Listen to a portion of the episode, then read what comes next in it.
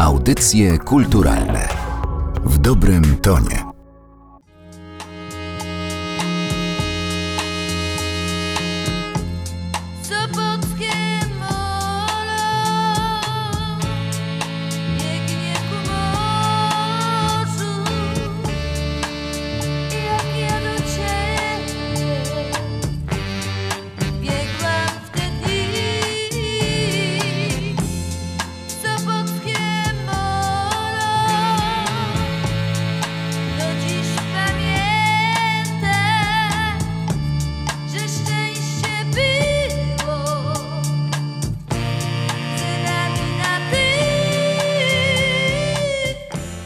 To są audycje kulturalne, podcast Narodowego Centrum Kultury przy mikrofonie Aleksandra Galant. O Sopockim Molo śpiewała przed chwilą Halina Frąckowiak. Przyznam szczerze, że utwór Wspomnienie z Sopotu grupy ABC Andrzeja Nebeskiego to jest jedna z moich ulubionych piosenek. Koduje bardzo wiele wspomnień i tak czekałam na odpowiednią okazję, żeby tą piosenką się z wami podzielić. Ta piosenka powstała w roku 1970, czyli niemal 150 50 lat po wydarzeniu, o którym będziemy mówić dzisiaj. A będziemy mówić o Sopocie, konkretnie o Sopocie z tej jego strony związanej z kuracjami, z sanatorium, o jego tego typu właściwościach, które wpłynęły na to, jak Sopot przez długie, długie lata, a kto wie, czy nawet nie do dzisiaj był postrzegany. A wszystko to za sprawą wystawy Turyści i kuracjusze. Opowieść o dwóch miastach, którą można oglądać w Muzeum Sopotu. Opowiedzieć o niej zgodziła się dyrektorka Muzeum Sopotu i jedna z kuratorek, pani Karolina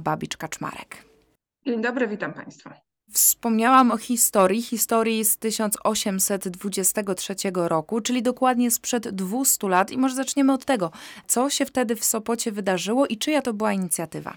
W 1823 roku, oczywiście jest to po części data umowna, Jan Jerzy Hafner, lekarz wojsk napoleońskich, chirurg, otworzył w Sopocie pierwszy profesjonalnie prowadzony zakład kąpielowy. Dlaczego to jest takie ważne? Wcześniej oczywiście czyniono próby otwarcia w Sopocie kurortu, przecież zarówno położenie, jak i bliskość morza to są idealne warunki do tego, żeby powstało uzdrowisko morskie, ale Hafnerowi dopiero się udało. Czy można w takim razie powiedzieć, bo ja cały czas o tym myślałam, kiedy oglądałam wystawę, ale też e, kiedy przygotowywałam się do dzisiejszej rozmowy, czy to było wydarzenie, które naprawdę zmieniło losy Sopotu? No bo z racji swojego położenia ta historia była dosyć burzliwa, związana z tym, jak kształtowała się geopolityka, z historią Polski. To trochę tak ukonstytuowało Sopot jako takie miejsce wyjątkowe, jako perłę Bałtyku i z czasem jako miejsce, w którym po prostu warto bywać.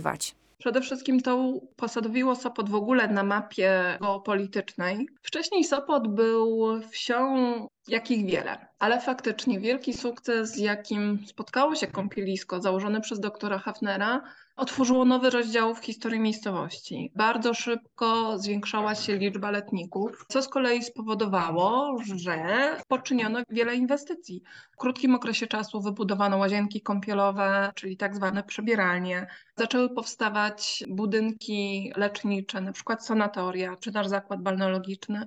Kolejnym tak ważnym wydarzeniem, które dopełnił dzieła Hafnera, to jest rok 1870, kiedy Sopot uzyskał połączenie kolejowe. Dzięki temu podróż do uzdrowiska była łatwiejsza i to z kolei znowu zwiększyło liczbę, liczbę gości. Warto również powiedzieć, że na początku XIX wieku, i Sopot tutaj nie jest odosobniony, zyskała popularność talassoterapia, czyli leczenie wykorzystujące morski klimat i morską wodę. I wtedy właśnie, zresztą jak do wielu miejscowości nadmorskich i do Sopotu zaczęli zjeżdżać pierwsi kuracjusze, którzy chcieli skorzystać z tego dobrodziejstwa, z tej oferty leczniczej.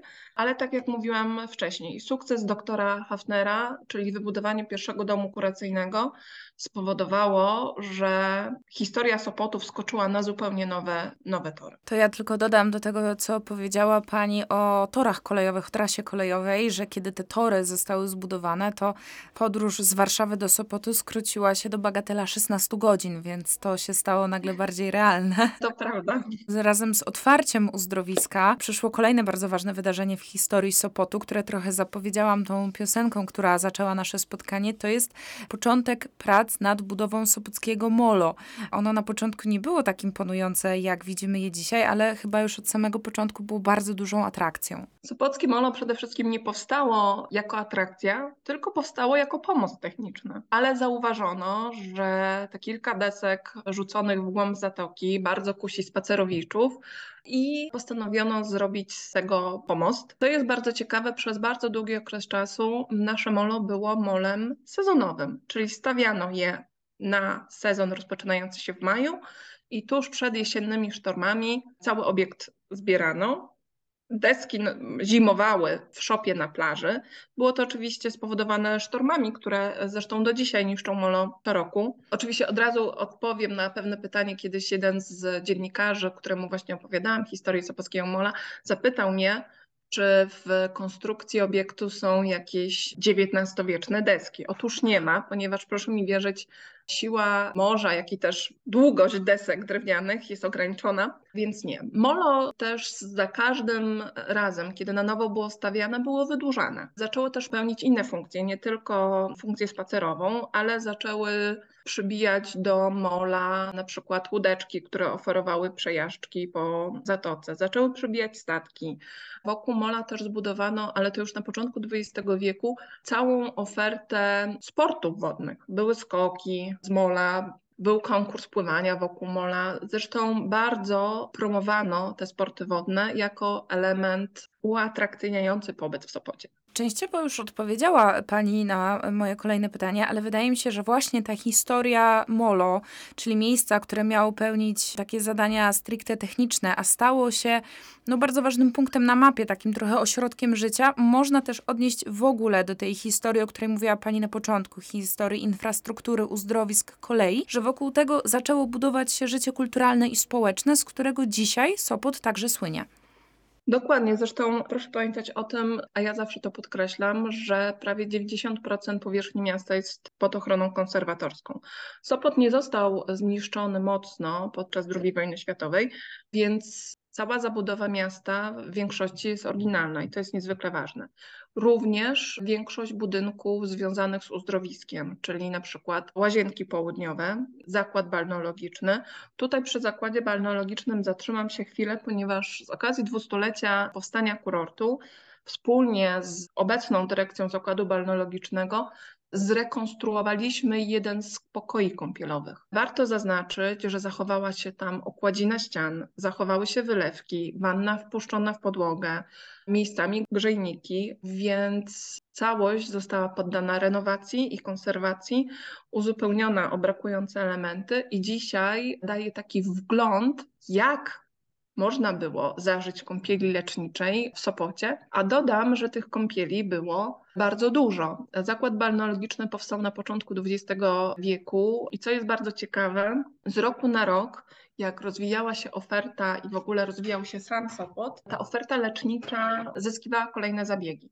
Między innymi w zakładzie balneologicznym można było nie tylko kąpać się w kąpieli ciepłej czy w kąpieli morskiej, ale na przykład w borowinie z igłami sosnowymi, w otrębach. Naprawdę tych kąpieli było sporo.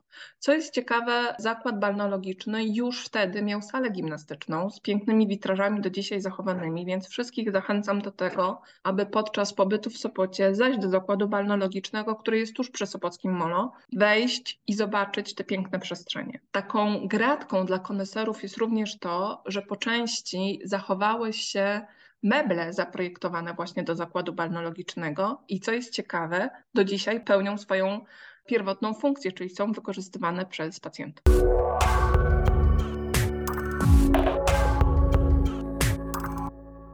Mówi Pani o rekonstrukcji takiego pokoju kąpielowego, którą udało się Państwu zrobić, ale na wystawie, która jest główną bohaterką naszej dzisiejszej rozmowy, chociaż nie wiem, czy głównym bohaterem nie jest po prostu Sopot, takich pocztówek z przeszłości i to bardzo dobrze zachowanych jest więcej. Możemy zobaczyć, przeczytać chociażby cytaty z pierwszego przewodnika po Sopocie, który właśnie dr Hafner napisał już w 23 roku. Przede wszystkim kąpiele e, w morzu miały ten wymiar leczniczy, a nie sportowy czy ogólnorozwojowy jak dzisiaj.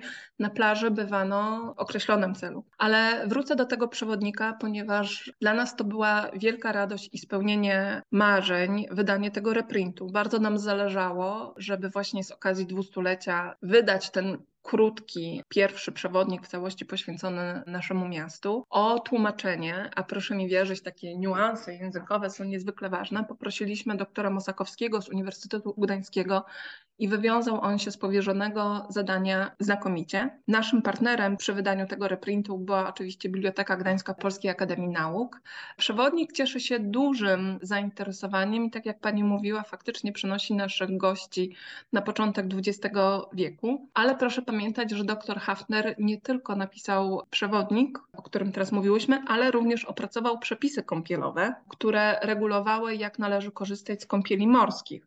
Sobie je tutaj przygotowałam, ponieważ zobaczą Państwo, jak aktualne niektóre z nich są do dzisiaj. Na przykład najcieplejsze miesiące od połowy czerwca do końca sierpnia są najwłaściwsze do korzystania z kąpieli morskich, ponieważ wtedy morze za sprawą ciepłych promieni słonecznych osiąga najwłaściwszą dla wielu temperaturę.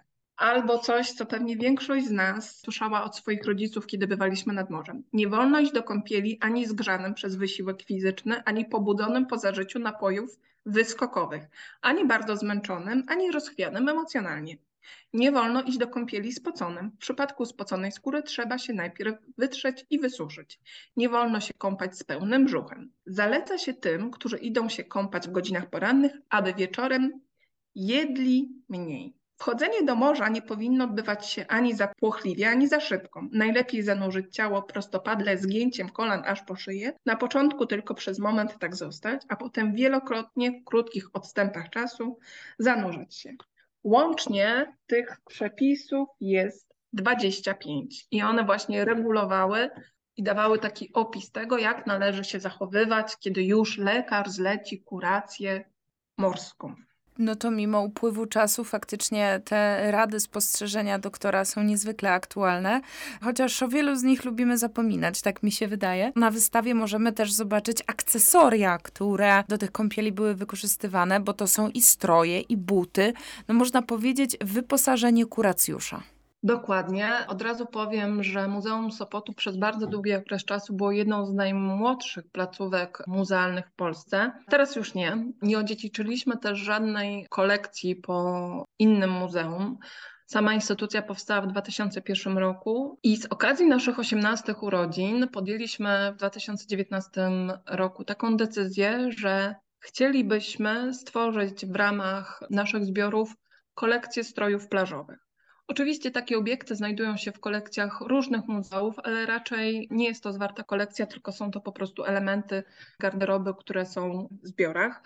Obecnie mamy kilka strojów kąpielowych. Jako jedyni mamy buty kąpielowe z XIX wieku i one są prawdziwą gratką, ponieważ wzbudzają zainteresowanie i zachwyt naszych gości. Mamy również bardzo dużo obiektów, które należało przywieźć do wód. Przede wszystkim są to parasolki przeciwsłoneczne, okulary, czepki, różnego rodzaju elementy garderoby. Wszystko to pokazujemy po to, żeby uświadomić zwiedzającym, że przyjeżdżało się przede wszystkim na dłuższy okres czasu, ale też z bardzo dużą ilością rzeczy. Na każdą porę dnia należało mieć inną część garderoby. W innej sukni jedzono śniadanie, w innym stroju pokazywano się na spacerze, w innym stroju do popołudniowej herbaty, a zupełnie inaczej już wieczorem. Warto zaznaczyć również, że kąpiele zażywano w wyznaczonych kąpieliskach, czyli w tak zwanych łazienkach. Były one damskie, męskie i potem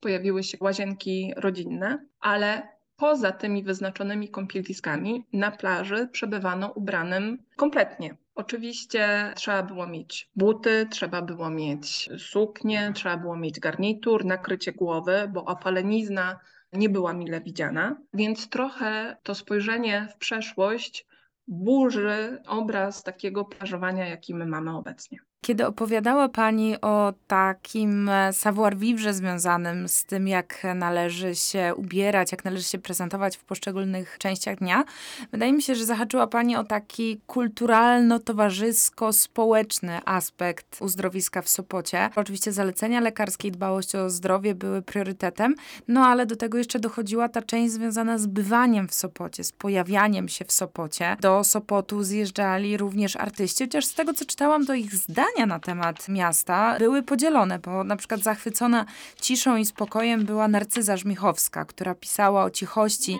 i swobodzie, natomiast Ignacy Kraszewski miał już zgoła inny ton, mówiąc, że to jest po prostu ad cicha wioseczka. Henryk Sienkiewicz również nie był zachwycony pobytem w Sopocie. Ja sobie to tłumaczę tym, że po pierwsze trafiło mu się brzydkie lato, a po drugie przyjechał z dziećmi z teściową, więc może to trochę tłumaczy jego opinię o naszym mieście. Bardzo mnie rozbawił z kolei komentarz, bo też na wystawie prezentujemy właśnie jak w różnych relacjach oceniano kurort. Jeden z aktorów warszawskich napisał, że wszystkie kobiety szpetne tęsknią do Warszawy, co też bardzo nas uratowało, ale to jest znak czasu. Wszystkie takie opisy, czy na przykład kilka słów, które każdy wysyłał z Sopotu do swoich bliskich, przybliżają nas w poznaniu tego, jak wyglądało życie codzienne kuracjuszy i są naprawdę doskonałym źródłem wiedzy do tego, jak wyglądało bywanie w Sopocie. Wystawa opowiada o historii kurortu w Sopocie do 1945 roku,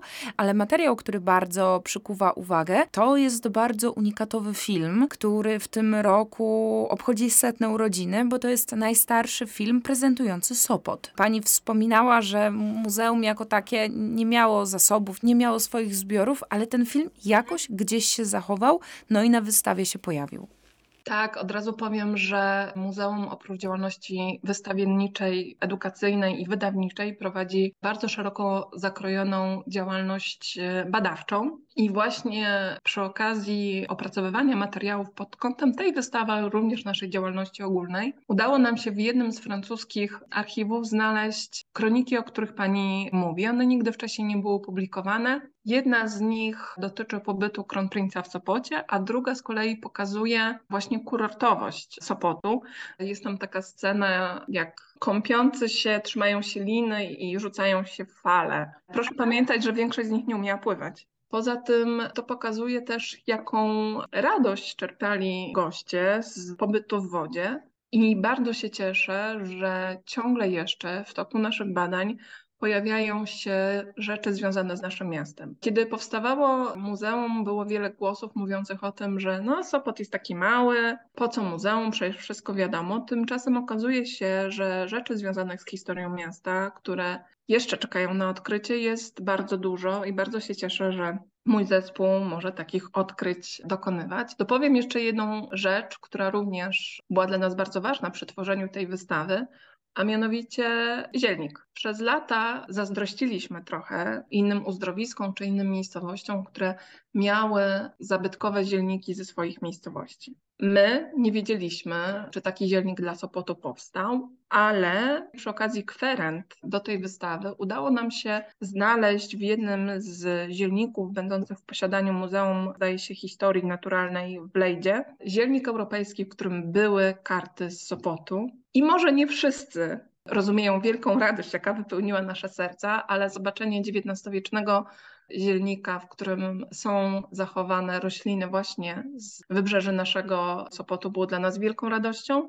Nasze marzenie się spełniło. Ważną rzeczą też dla nas jest, aby do każdej wystawy zaprojektować część dla dzieci. Bardzo wierzymy w to, że jeżeli dzieci w młodości będą chodzić do muzeów i będą uważały tą przestrzeń za przyjazną, to będą również naszymi gośćmi później. Przy tej wystawie zaprosiliśmy do współpracy dzieci z przedszkola numer 5 w Sopocie, które miały za zadanie opracować dla nas część poświęconą Morzu Bałtyckiemu. Wykonały one pracę podczas warsztatów Co żyje w Bałtyku i te prace z kolei zostały wykorzystane do przygotowania tej części dziecięcej.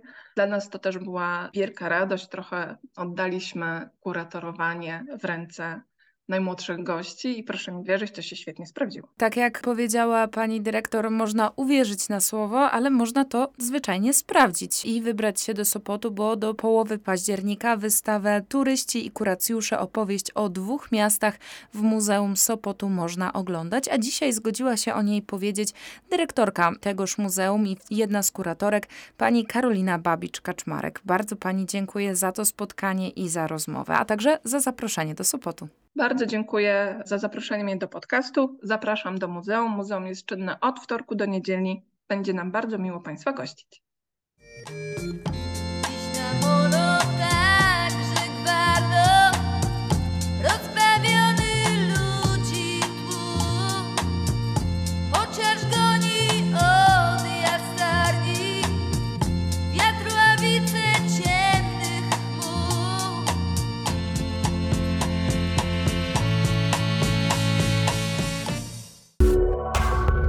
Audycje kulturalne w dobrym tonie.